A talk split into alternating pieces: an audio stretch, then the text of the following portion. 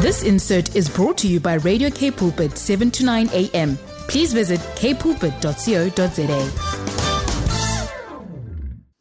Goeiemôre luisteraars en baie welkom by nog 'n insetsel van Geestesgesondheid net hier op Radio Kansel en Kaapse Kansel. My naam is Gerda Kriel, ek is 'n kliniese sielkundige in Somerset Wes.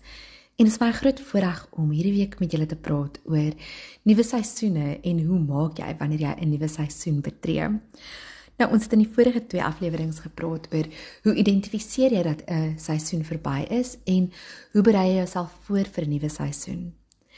Nou as jy in hierdie nuwe seisoen ingetree het en ek wil sê soms gebeur dit sonder dat ons die tyd het om daaroor te dink of sonder dat ons die tyd het om daaroor te te reflekteer en Sommige nuwe seisoene breek net eenvoudig aan. Byvoorbeeld in terme van ouderdom, jy weet jy kies nie skielik om in menopause te tree nie. Jou liggaam doen dit en kies outomaties vir jou die ritme in die seisoen. Dis deel van die tyd van die lewe. Maar jy vind jouself met eens in hierdie nuwe seisoen. Nou, as jy nie die kans gehad het om voor te berei daarvoor nie of dis 'n onverwagte nuwe seisoen en jy staan met jou voete hier, wat maak jy? Ek is en ek glo julle weet dit al 'n groot voorstander daarvan dat ons tyd moet afstaan om te reflekteer en om intentioneel te wees met waar ons in ons lewens is. Dit is belangrik vir ons om stil te staan en vir 'n oomblik te dink oor waar ons is, wat ons doen en hoekom ons doen wat ons doen, sodat ons uiteindelik bietjie met meer deernis met onsself ook kan omgaan. So, as jy in 'n nuwe seisoen is en jy het nie gekies om daar te wees nie of jou lewe het teen 'n spoed beweeg en jy vind jouself skielik daar, is die eerste ding wat jy moet doen om te reflekteer en te kyk hoe lyk hierdie nuwe landskap in hierdie nuwe seisoen.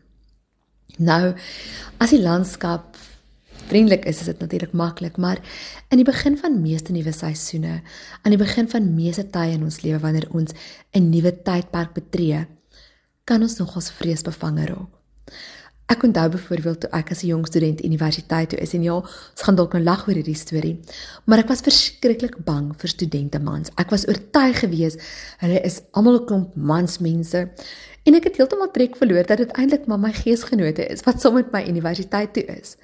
Dit het my rukkie gevat om op universiteit te besef dat hierdie ouetjies maar dieselfde ouetjies is wat saam met my in graad 1 was, wat saam met my in skool was. Dieselfde mense wat gesukkel het met hulle bysies en hulle lang bene en te lang arms as dieselfde ouetjies wat saam met my op universiteit was. Maar die konsep van 'n nuwe seisoen het onbekendheid gebring. En as ek nou daaroor terugdink as 'n volwassene, was dit die onbekendheid waarvoor ek bang was, nie eintlik die studente mans nie. Maar natuurlik is onbekendheid vir ons 'n vreemde plek en as ons gaan stil staan en 'n bietjie ons oë oopmaak en ons uh, survey the land, ons kyk wat is om ons, dan weet ons ook waarmee ons werk.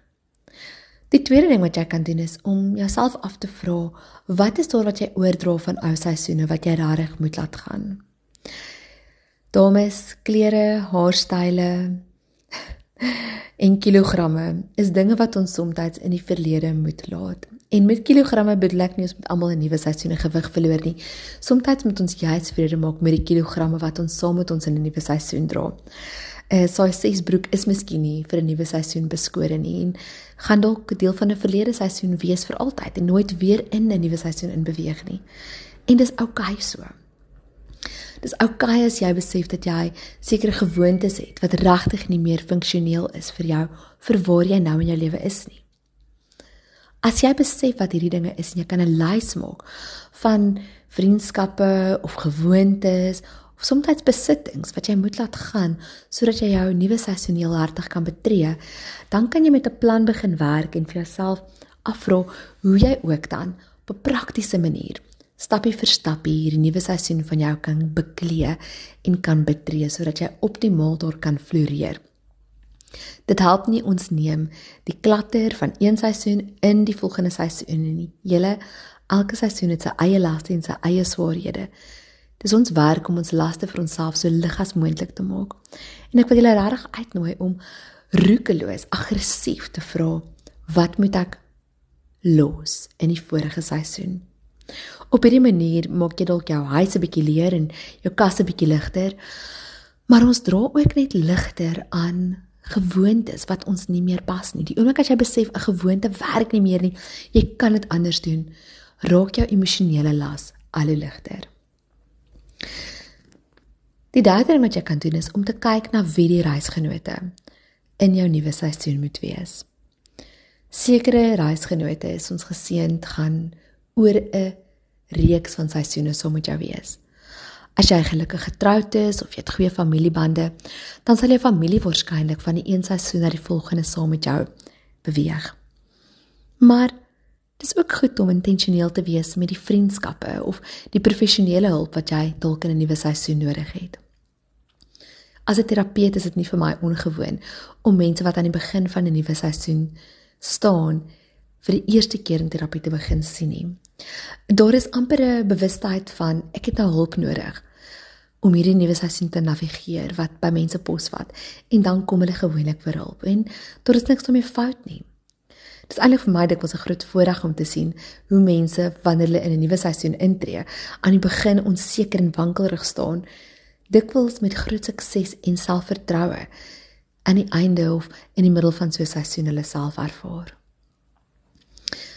Dan, wanneer jy jou reisgenote het wat saam met jou moet reis en jy het ligter gemaak en dit wat jy saam dra en jy het jouself gaan vergewis met die landskap, kan dit jou baie help om intensies te stel vir 'n nuwe seisoen. Sien, as jy vir die eerste keer 'n mamma word, het jy dikwels ongesproke intensies. Of as jy vir die eerste keer 'n pa word, het jy uitgesproke intensies vir hoe jy graag jou kinders wil grootmaak. Om dit neer te skryf, om dit te formaliseer vir jouself, help jou ook om jouself vas te hou aan jou intensies en om jouself daaraan nie te bind op 'n manier wat jou gaan beperk nie, maar om jouself net eenvoudig die kans te gee om met realistiese oë te kyk na jou omstandighede en te sê ek gaan nou die situasie op hierdie of hierdie manier benader en ek hoop wanneer ek uiteindelik aan die einde van my ouerskap seisoen staan om my kinders uit die huis moet gaan het ek hierdie en hierdie waardes met intentionaliteit in hulle lewens gebou. Luisteraars dit kan so maklik gebeur dat ons met onuitgesproke intensies nie uitkom waar ons wil wees nie. Ek glo dat elke seisoen die kapasiteit het vir groei en verandering en vir vorentoe beweeg Selfs al voel dit vir jou asof die seisoen waarin jy beweeg miskien die seisoen is waarin jy dinge nou moet afsluit en klaar maak. Byvoorbeeld aftrede. Dit kan self 'n vervullende tyd wees waarin jy dalk dinge kan doen wat jy nooit voor en voor tyd gekry het nie. Of dalk dinge kan doen wat jy voel jou vir die eerste keer aanraak. Ek weet van baie mense wat in laat seisoene in hulle lewe kuns opgeneem het of skryf opgeneem het en wonderlike sukses behaal het op daardie vlak. Jy hoef nie noodwendig 'n splinter nuwe stokperdjie te begin nie. Maar daar waar jy vandag is, wil jy nie tog maar die doelwitte neerskryf nie? Navorsing wys vir ons dat mense wat hulle doelwitte neerskryf, 80% meer sukses behaal met die bereik van hulle doelwitte as mense wat dit net in hulle koppe ronddra. Somstyds is dit so kragtig dat jy skoon verbaas staan dat net die feit dat jy iets neergeskryf het vir jou geleenthede oopgemaak het waar jy nie gedink het dit sal wees nie. So hierdie vier goed, hierdie vier amper sleutels vir nuwe seisoene wil ek jou mee los vandag. Nommer 1: kyk hoe lyk die landskap. Nommer 2: wees intentioneel met dit wat jy wil agterlaat of in ou seisoene agterlaat.